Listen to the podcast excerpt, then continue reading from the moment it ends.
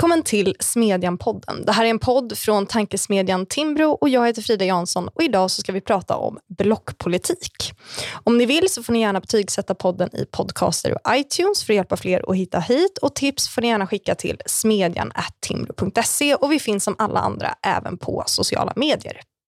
Blockpolitiken är död och återuppstånden igen. Men vad gör egentligen en samling politiska partier till ett block? Och vad innebär det för Sverige att vi kan få en majoritetsregering efter valet? Är vågmästarrollen utdaterad och kommer vi aldrig mer få höra orden ett osäkert parlamentariskt läge? Med mig för att prata om blockpolitik och regeringsbildningar har jag Amanda Broberg som har varit ledarskribent på Dagens Nyheter i sommar, Andreas Johansson Heine som är inhouse statsvetare på Timbro och PM Nilsson som är politisk redaktör på Dagens Industri. Varmt välkomna alla tre. Tack, så mycket. Tackar. I början av mandatperioden så skrev ju Hanne Kjöller en bok på Timbro förlag som eh, hette Blockpolitikens död. Mm. Och eh, man har ju hört det många gånger tycker jag, att blockpolitiken har dött. Andreas, vad innebär det? När dog blockpolitiken? Den gjorde väl aldrig det, men, men den, den boken är en liten kul tidsmarkör. För, för eh, Hanne skrev en bok som hon började jobba på mitten på förra mandatperioden, någonstans runt 2016, med idén då att följa politiken fram till valet och så körde ut den, liksom en första bokanalysen någon gång i oktober, november 2018. Och det gick ju inte, för att det gick inte att sätta punkt för analysen då. Så boken kom ut i februari efter att eh, januariavtalet hade skrivits under och kommit överens. Och då landade hon i boktiteln Blockpolitikens död. För det var, det var den bästa analysen just då. Sen har inte den hållit så väl, för blocken är ju tillbaka och de kanske inte ens hade dött och det var en liksom, för tidig analys av vad som hade hänt. Så blockpolitiken dog när man slöt januariavtalet? Nej, den gjorde nog inte det, men den, den, den var i alla fall illa ute. Det, det var nog liksom blockpolitikens... Den vinglade liksom mot repen mm. eh, och var nog nere eh, på räkning till och med. Men, men eh, återkom för att, och tror jag då att den logiken är så stark i det svenska systemet att den är svår att brotta ner. PM, när dog blockpolitiken? Kan man säga att decemberöverenskommelsen också var en sån eh, tidsmarkör, eller vad man ska säga, där den dog nej, eller var illa ute? Nej, jag, jag tycker eh, inte att den har dött. Eh, och jag tror att den i någon mening är odödlig. Eh, alla de här konstruktionerna med månader, december och januari och sådär, har att göra med att det svenska parlamentariska systemet chockades av Sverigedemokraternas Eh, först att de kom in och sen att de växte så infernaliskt snabbt och stort.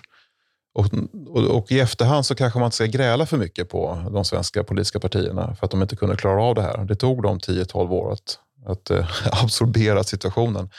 Eh, men eh, SD kom från ett djupt problematiskt håll. Om man jämför med de andra nordiska länderna så kom det kanske från det värsta hållet. Eh, och någonting liknande vad gäller tillväxt har vi inte sett. Eh, det kan möjligen jämföras med sossarnas genombrott i samband med den allmänna rösträtten för drygt hundra år sedan. Men sen har vi inte, vi har inte sett någonting. Eh, ett parti som kommer från ingenstans och blir så stort. Så det är inte så konstigt att, att det tog tid. Va? Eh, men men eh, så, jag tror att de svenska väljarna sedan lång, lång, lång tid tillbaka eh, förstår politiken som att de har ett val mellan två block eller mellan två sfärer eller mellan två tydliga statsministerkandidater. Eh, och, eh, och vad det, beror på, vad det beror på att den typen av samhälle som Sverige är återkommer till det mönstret, det kan vi ju kan vi prata om. Men jag, jag ser ändå liknande mönster i andra länder. Att det finns ofta någon typ av högersfär och någon typ av vänstersfär. Mm. Och det där beror på, misstänker jag, att det finns en intressekonflikt eh, mellan det som högern representerar och det som vänstern representerar. Eh, som man inte kommer undan. Man måste välja.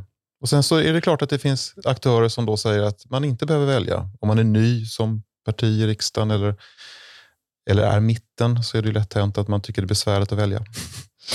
Eh, Amanda, vad är det som gör eh, de här partierna till olika block? Alltså om man jämför blockpolitiken över tid så kan man ju se kanske tidigare att det fanns två block där det fanns en stark ideologisk samsyn, alltså små ideologiska spänningar, rödgrön röra eller rödgrön alternativet mot Allians för Sverige eller Alliansen. Och nu är man ju kanske i en situation där det har formats två block igen, men det är större ideologiska spänningar på högersidan, kanske framförallt mellan Liberalerna och Sverigedemokraterna och på vänstersidan kanske framförallt mellan Centerpartiet och Vänsterpartiet. Eh, kan man kalla det här block då, trots att det finns de här ideologiska spänningarna? Det blir ju en väldigt semantisk fråga hela tiden. Är det, är det block, är det Kristerssons gäng, är det en viss sida i politiken och så? Och det är väl egentligen inte det intressanta vad vi kallar det. För ett faktum är ju att vi, vi har ju ändå nu för första gången då på flera år två tydliga alternativ skulle man kunna säga, som båda kommer ha möjlighet att om de vinner valet bilda regering med majoritetsstöd i alla fall. Ehm, det som är annorlunda nu, som du är inne på Frida, med liksom, dels då att man inte har den här tydliga höger-vänster, eller den här ideologiska samsynen, det är ju också att man har varsitt ytterkantsparti på halsen. Så där skulle jag säga att den nya blockpolitiken, om man ska kalla den det, den handlar ju väldigt mycket om hur man har valt att förhålla sig till egentligen två partier från olika håll. Dels då Sverigedemokraterna eh, från vänsterhåll eller från Centerpartiet, det vägval de gjorde där Liberalerna gjorde ett annat liksom i, i synen på då om man kan ha dem med ett regeringsunderlag. Eh, och dels då synen på Socialdemokraterna. Det finns ju de som till exempel förespråkar att man borde bilda en bred regering i mitten bestående av Socialdemokraterna och Moderaterna. Och det kan ju verka som ett bra alternativ, men utifrån liksom den moderata självbilden, den moderata synen på deras existensberättigande och förhållningssättet till socialdemokratin, så tror jag att det är väldigt svårt. Så, så mer än något kanske den här blockpolitiken bygger på liksom också invanda föreställningar, fiendeskap partierna emellan, som också sitter väldigt, väldigt djupt i det svenska partisystemet när eh, Miljöpartiet kom in i riksdagen och när Sverigedemokraterna kom in i riksdagen så sa man ju tydligt att man inte ville vara ett vänster-höger-alternativ. Man hade någon sorts annan idé som inte var kanske att man var mitten men att man stod över då en höger-vänster-dimension i båda fallen. Och Ändå har ju de här två partierna sorterats in i just den här blockdynamiken som bygger på höger-vänster-dimensionen. Eh, hur kommer det sig att man inte har lyckats spränga upp det här trots att nya partier har tillkommit som vänder sig mot den här eh, ja, men blockdynamiken. Vad säger du, Andreas? Ja, men det, ja, nej, men så, så, är det ju nästan. Jag skulle säga att redan 88 när då Miljöpartiet kommer in så hade de i praktiken valt sida. De sa tydligt i den valrörelsen att de låg mycket närmare en S-regering än en borgerlig. De sågs inte som en del av, de var inte vänster men de låg närmare Socialdemokraterna. Och det tror jag var en förutsättning för att ens komma in då. På samma sätt som att Kristdemokraterna hölls utanför i 20 år för att de vägrade ta ställning mellan, mellan blocken. Och när de så småningom gjorde det så blev de ett borgerligt alternativ och kunde också komma in. Eh, Sverigedemokraterna följer lite en annan logik som det här totala outsiderpartiet som var emot hela etablissemanget. Som, de var inte så mycket mitten som att de var, var liksom en mot sju. Va? Eh, de var folket och de andra var eliten. Eh, men, men liksom när, när den värsta röken hade lagt sig från det där så, så började de också se att, att börja finna sin plats. Att eh, redan 2010-11 man röstade mycket mer med alliansregeringen än vad man gjorde med oppositionen. Man stod sakpolitiskt närmare högern än vänstern. Och så fanns det några frågor som var som var viktiga, som kunde vara markörer då mot, mot en mittenposition. Men, men det har inte varit så smärtsamt för Sverigedemokraterna att landa till höger. Och det var inte så smärtsamt för KD och MP så småningom att hitta sin plats heller. Alltså det var ju de, de, de, alla de här partierna kom ju fram genom enskilda frågor som inte fångades upp av vänster-höger i sin tid. Miljöfrågorna var inte vänster-höger från början. Det var inte invandringen heller. Sen har de frågorna blivit vänster-höger och är de mycket mer idag än någonsin tidigare. Delvis tack vare de här nya partiernas positionering, men det är som ett växelspel där också, att de känner sig hemma i ett gäng som också pratar mer om deras frågor på det sättet. Så att om man säger att man står över någon sorts höger-vänster dimension så eh, ljuger man? Eller det, man, man, det är de facto så inte, om man då ska komma in i riksdagen. Och... Då tycker jag nog att Centerpartiet är ett bättre exempel på parti som, som inte vill vara vänster eller höger, som ändå talar sanning med att det finns en, en självbild av en mittenposition som också stämmer lite grann. Och den har ju, den har en historisk förankring mm. eh, vad gäller Centern. Så mer hos dem än hos de nya partierna nästan. Du tänker på 50-talet kanske, när Eh, ja, det hängde kvar 50-60-talet och det har funnits också på 90-talet. Och ett parti som värjde sig för att kalla sig borgerligt, mm. även om man var icke-socialistiskt. Mm. Och man pratar jättegärna om mitten nu och distanserar sig mot höger. Mm. Man kan också tillägga bara med Miljöpartiet att de var ju, har ju mångt och mycket liksom varit eh, en del av ett vänsterblock genom liksom sin, sin eh, existens, eh, så, eller sen de kom in i riksdagen i alla fall. Men det fanns ju där liksom ett tidsfönster under de nya moderatåren där man började prata om att Miljöpartiet skulle på sikt fogas in i liksom det här eh, ljusblå borgerliga samarbetet, eh, framförallt under Maria Wetterstrand eh, och Peter Eriksson, där man tyckte att Miljöpartiet gick i en mer liberal riktning. Så det där är inte heller helt statiskt. Det är inte bara för att man en gång har tillhört eh, ja, ett vänster eller högerblock behöver man inte alltid göra det. Det visar ju inte minst Annie Lööf och Centerpartiet nu. Mm. PM, hur kommer det sig att om man försöker distansera sig från den här höger-vänster-dimensionen och blockpolitiken, att det verkar liksom straffa ut sig i längden? Ja, det är en bra fråga. Dels så har det väl att göra med att de flesta väljare är intresserade av det man kallar för regeringsfrågan. Vilken statsministerkandidat är det du stöder egentligen? Den frågan undkommer ju inte Annie Lööf längre. Och till slut så tvingades hon välja. Och Jimmy Åkesson valde ganska tidigt sen då, måste man säga. Ehm, men sen tror jag att det finns en grundläggande Eh, på allvar motsättning i de här eh, kapitalistiska liberala samhällena som, eh, som, som, som, som, ingen kommer undan. Och Det är konflikten mellan vad man kan kalla jämlikhet i vid mening och frihet i vid mening. Om man går till en vänsterpolitiker i ett västland och frågar vad du slåss för, då kommer hon säga jag slåss för jämlikhet. Det tror jag nio av tio säger. Och om du går till en högerpolitiker så kan det vara lite mer diffusa svar. Men eh, som jag har förstått västerländsk eh, högerliberal politik under det senaste halvseklet i alla fall, så tror jag att hon skulle säga frihet. Eh, och eh, de där två värdena eh, är ju behjärtansvärda båda två, men som politiskt projekt så tvingas man ofta välja. Det går inte ihop i en och samma reform i alla fall. Sen så behöver inte det betyda att högern är emot jämlikhet när den uppstår. Men, de, men högern är ofta emot, av frihetsskäl, jämlikhetsskapande politik. Om man tar skolvalet som ett exempel, så eh, ett fritt skolval orsakar ojämlikhet. Det tror jag alla förstår och alla kan se. Eh, men man måste välja. Och eh, då tenderar högern att välja frihetsskapande reformer och vänstern tenderar att välja jämlikhetsskapande reformer. Sen kan båda sidorna verkligen operera med båda värdena. Eh, men, men som jag förstår västerländska väljare så finns det en, eh, en konflikt där och en uppdelning där. Och det verkligt kontroversiella är ju vänsterns jämlikhetsskapande reformer eh, som eh, eh polariserar väljarkåren och man tvingas välja. Men om man tar då det valet som vi har nu, till exempel, när det just då finns de här nya ideologiska spänningarna i blocket. Eh, Centerpartiet har ju ändå gått ut ganska offensivt och sagt att man går till val till exempel på sänkta skatter. Alltså inte ens att man vill ha ett bibehållet skattetryck utan man vill sänka det. Det är en frihetsagenda och en klassisk högeragenda. Eh, men de kör ju fortfarande på galtanskalan. Mm. Och eh, då är liksom galvärdena eh, starkare hos eh, vänstern och då så prioriterar de det. Eh, så för, för dem, det, det, är ju det sista partiet som är fast i det där. För eller mot SD eller galtan. Mm. De kör på den.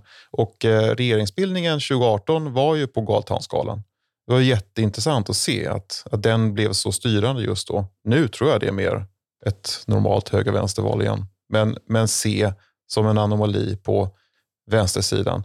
Eh, de är dömda att misslyckas ifall de bildar regering ihop med de här tre vänsterpartierna. Det är jag helt säker på.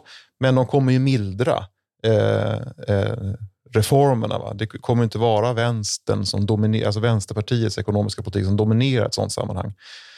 Eh, men ja, lycka till. Jag tycker också att det finns liksom, vad ska man säga, en eh, inte bara då synen på liksom värderingar eller var man då står liksom rent konkret politiskt. För det är ju då uppenbart att Centerpartiet i någon mån ändå är ett liberalt parti som, som vi liksom känner som att vara till höger. Men det finns ju en skillnad i synen på hur man maximerar det politiska utfallet som egentligen tycker jag är mer intressant i den svenska politiska kontexten.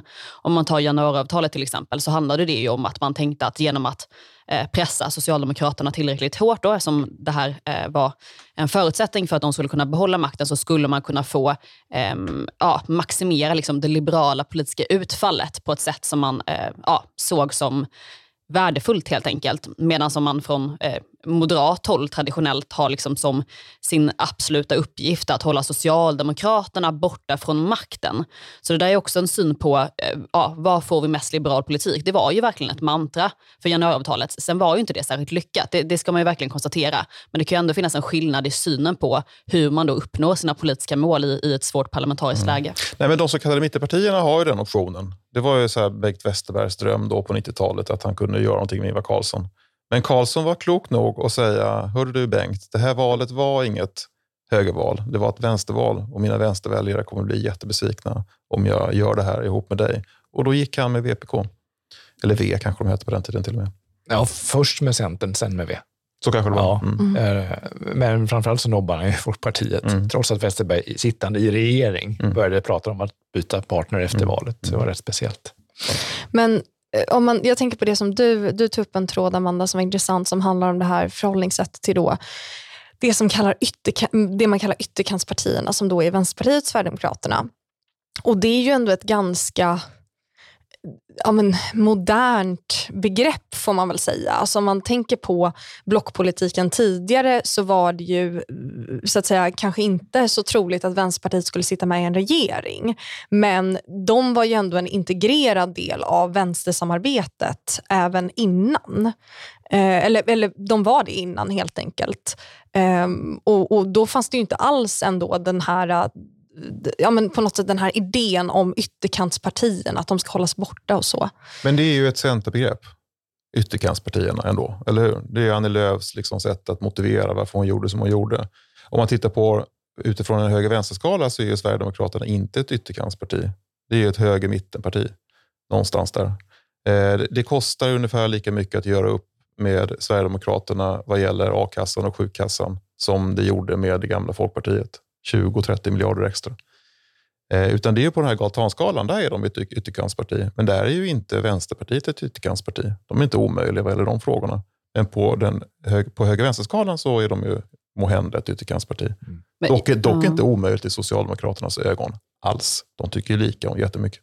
Jag tänker just att begreppet ytterkantsparti inte, inte bara... Eh, så här, I Annie Lööfs förståelse så handlar det ju såklart om att eh, liksom utmåla dem som extremerna och sådär. Det ligger liksom i hennes politiska intresse. Men det finns ju också någonting där jag tänker också som ett arv från Vänsterpartiet historiskt i svensk politik, när man tyckte att de var för radikala. Sen har man ju återigen gång på gång släppt in dem till viss del i värmen ändå, men, men där man har haft liksom en eh, slags renhållningstanke nästan i, i den politiska mitten med de stora statsbärande då, partierna som liksom ska vara de som dikterar saker. Eh, och då så placeras ändå Sverigedemokraterna och Vänsterpartiet in i ytterkantsbemärkelse i, i den meningen att de är väldigt radikala, har radikala anspråk, kommer från ett väldigt radikalt arv.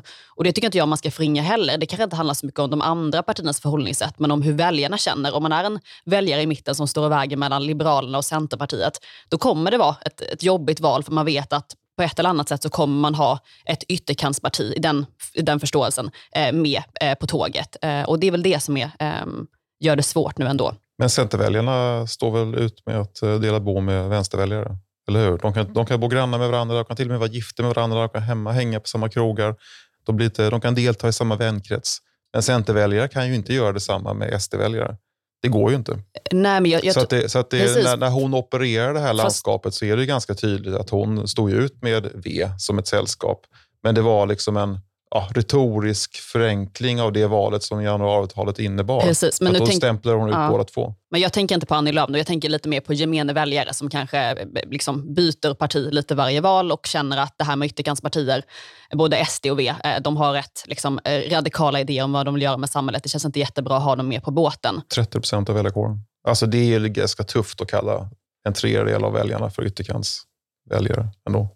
Ja, nej, men jag menar att det finns väljare som uppfattar de partierna på det sättet och det ska man inte heller liksom förringa eh, som en del i analysen av den här nya blockpolitiken. Det stämmer ju också att det har varit en talepunkt från högerhåll genom vad man, ja, men liksom ändå modern historia. Att man hela tiden har ändå frågat Socialdemokraterna, kommer ja, Jonas Sjöstedt till exempel få en ministerpost i en socialdemokratisk regering? Det har ju också varit en talepunkt som man har använt sig av, kanske motsvarigheten på vänstersidan är väl att högern har svårt att få ihop sin, sitt block helt enkelt. Ja, det där är ju, det finns ju en jättelång eh, tradition av det där. Det var ju nå- någonting som Socialdemokraterna körde med på 60-talet, att skrämmas med en skulle Moderaterna få inflytande över ekonomiska politiken? Ja.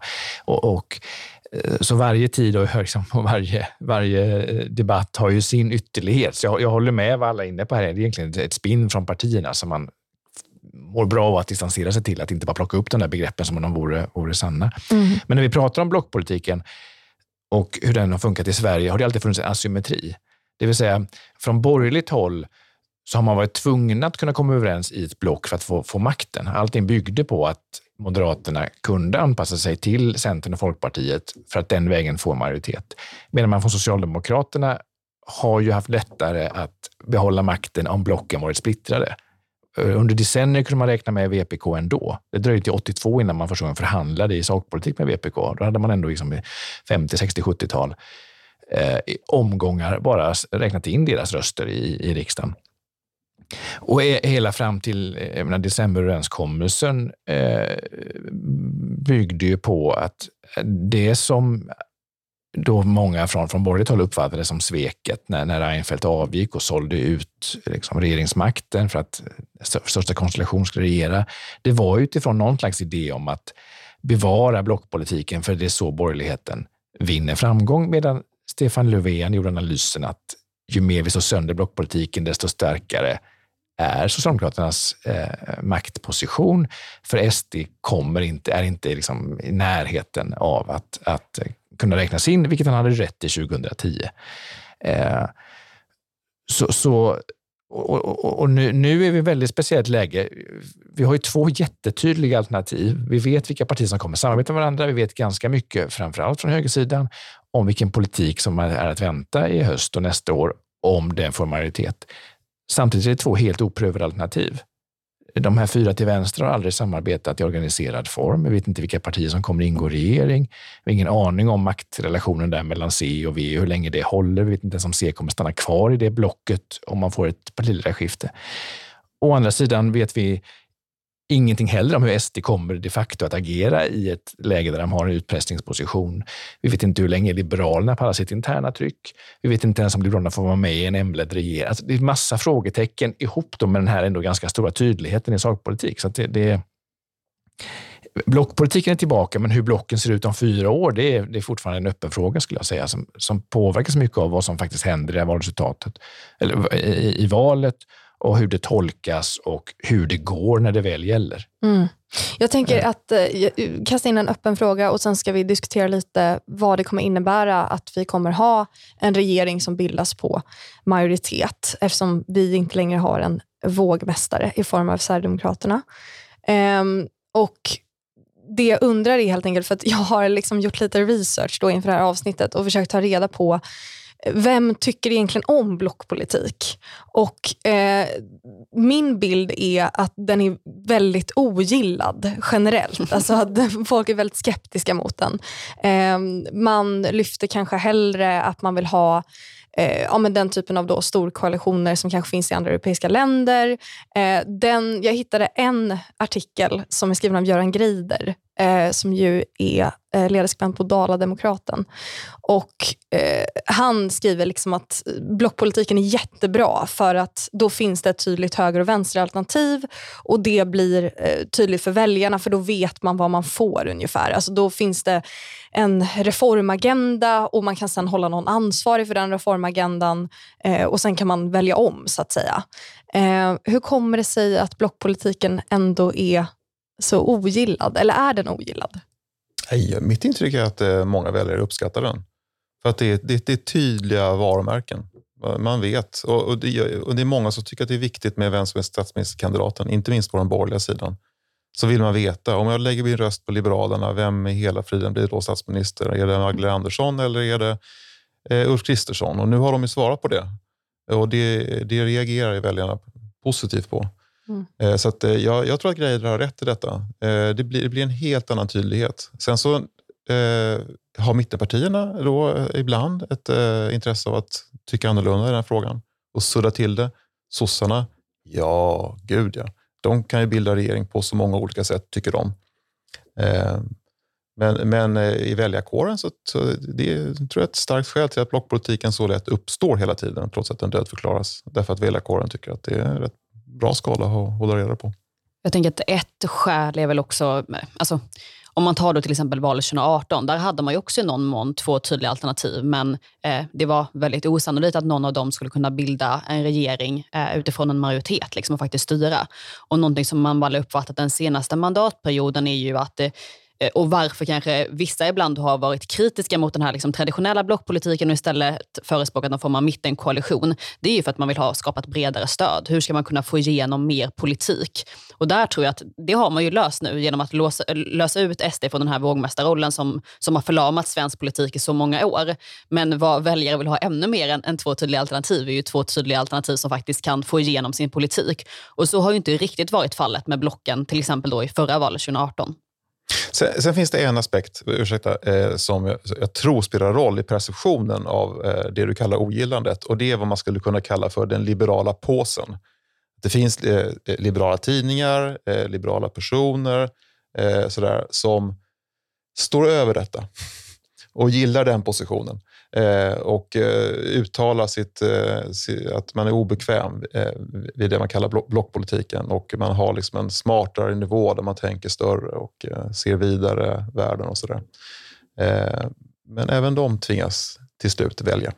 Men eh, det kanske också är, bara för att jag inte hittar någon positiv artikel så betyder kanske inte det att alla hatar den. Men jag tyckte att det var intressant, att det var svårt att hitta någon som höll ett försvarstal. I alla fall. Men det är väl lite av en definitionsfråga, säger jag då, och låter tråkig. Men det är väl både att man gillar de alternativen som PM pratar om, men väljer att uppskatta också när man kan i sakfrågor göra breda överenskommelser och att man kan vara blocköverskridande. Det är som ett ord med positiv klang i Sverige, att man söker samarbete och sådär. Och det är också mycket det som Centern försöker göra till sitt. Liksom, att vi är de som står för en brett samarbete och ansvarstagande och sådär.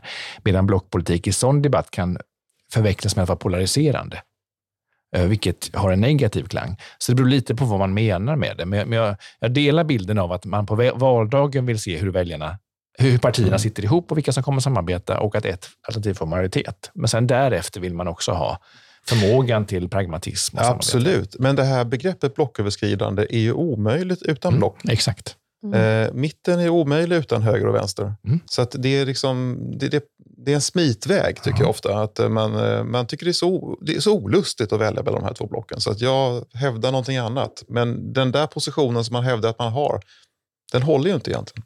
Och det som inte håller, jag skulle säga att det går ju att som ett enskilt parti stå utanför blocken och säga vi är varken vänster eller höger. Men man kan inte göra det samtidigt som man inte heller vill samarbeta med vänster eller höger. För då blir man helt relevant. Mm. mm. Centern skulle kunna valt position. Vi har inte tillräcklig värdegemenskap med något av de här blocken, så vi står utanför. Men vi är öppna att i alla sakfrågor göra överenskommelser åt både vänster och höger. Det hade varit en rationellt logiskt hållbar ja. position. Man kan maximera inflytande, men man får aldrig liksom en statsrådspost för att man är mm. den här man kan, man kan förhandla med. Tänk, det, ja. ja. nu så kommer vi ju då eh, välja mellan två block som är tydliga för första gången på ändå ja, men, 12 år. Eh, och eh, Då kommer man alltså kunna bilda en majoritetsregering. Och hur kommer då nästkommande mandatperiod skilja sig från den mandatperioden som vi har sett nu? I och med att det har, ändå, det har varit ganska mycket ja, men parlamentariskt kaos. Regeringen har haft enorma problem med att få igenom sin budget till exempel. Eh, och Det har också eh, ja, men varit frågor där man kanske har varit tvungen att eh, förhandla med en enskild ledamot som inte tillhör något parti för att kunna säkra en majoritet och sådär. Eh, är det någonting som vi fortfarande kommer se nästa mandatperiod eller är den här typen av element eh, så att säga, borttagna genom den här nya blockpolitiken?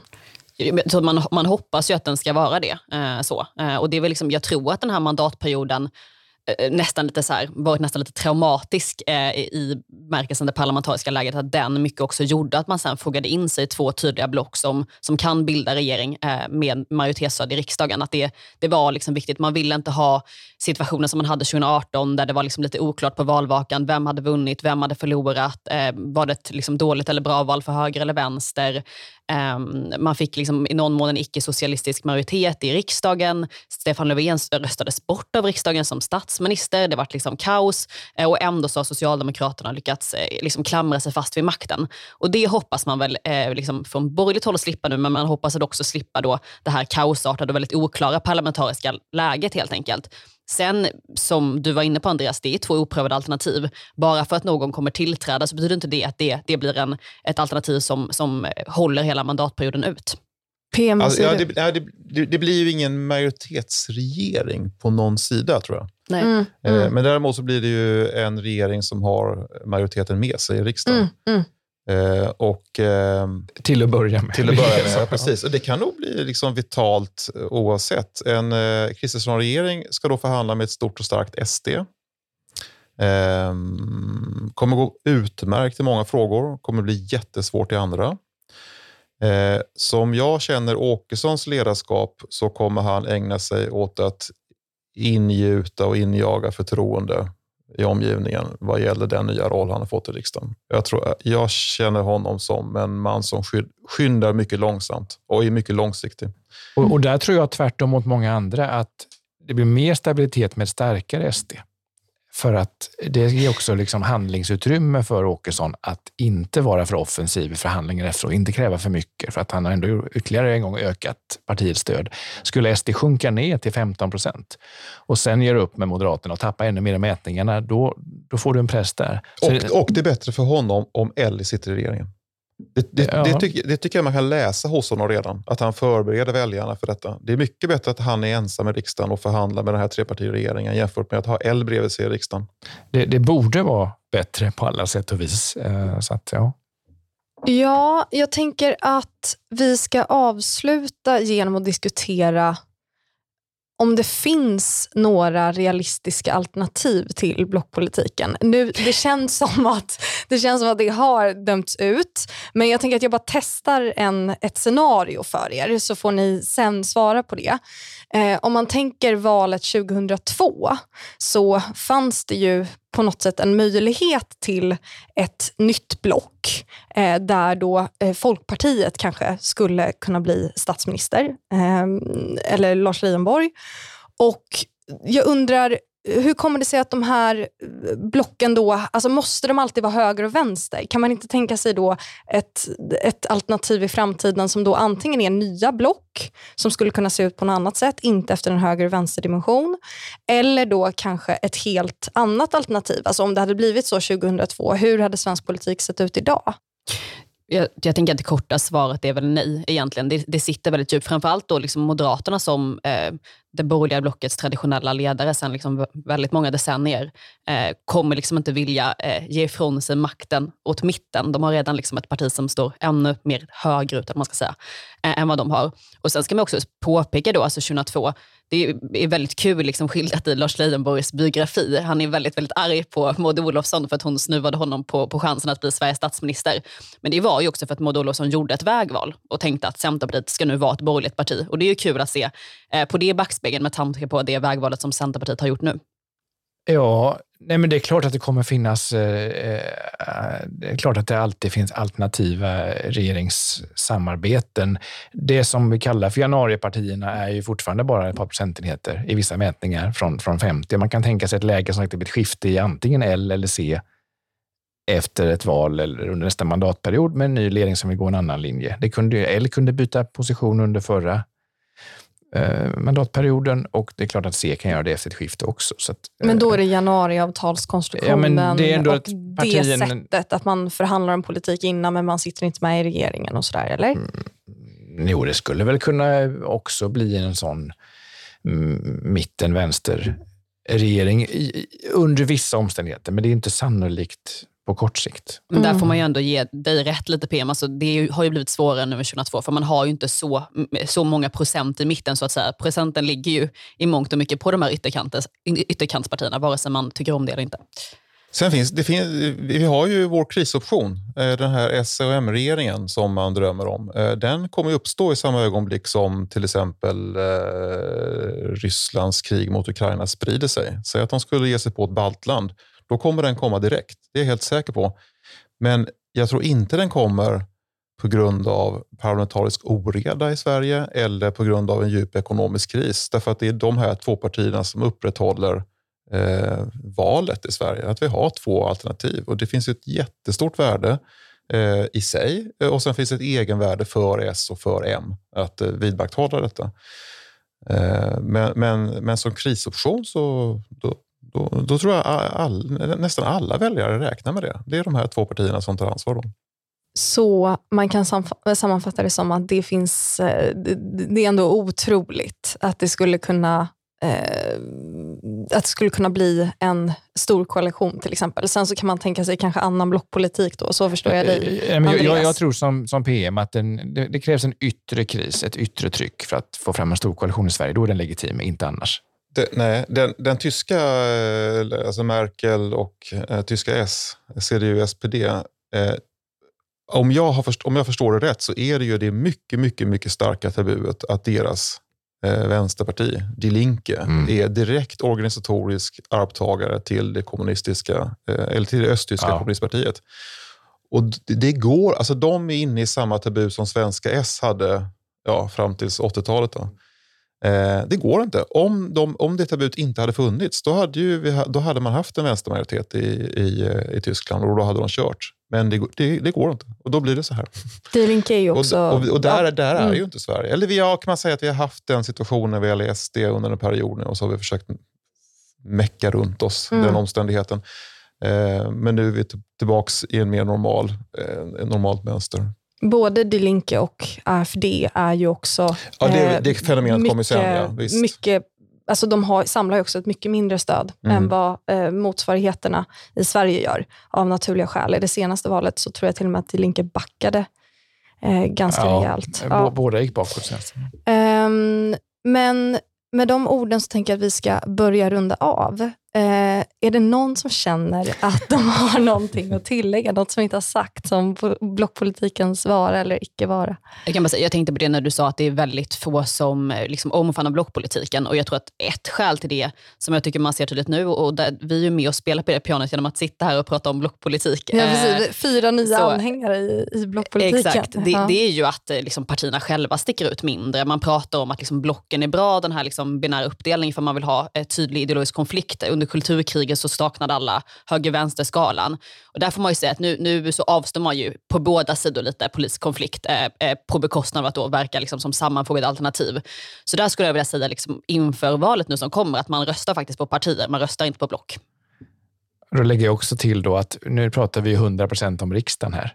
Mm. Men de flesta politiker i Sverige är verksamma på kommunal och regional nivå och där finns det ju hur många konstellationer som helst. I- På Verkligen. vissa ställen lever Mm. alliansen som om det vore 2006 fortfarande och på andra ställen har man ja, alla möjliga blocköverskridande eller Mm. andra typer av samarbeten. Mm. Eh, Så, så det är klart att eh, det som, det, det, det som vi framställer som helt omöjligt i riksdagen är ju verklighet också på Mm. många håll. Mm. Tack så jättemycket Amanda Broberg, Andreas Johansson Heine och PM Nilsson för att ni var här och diskuterade med mig. Stort tack. Tack. Tack.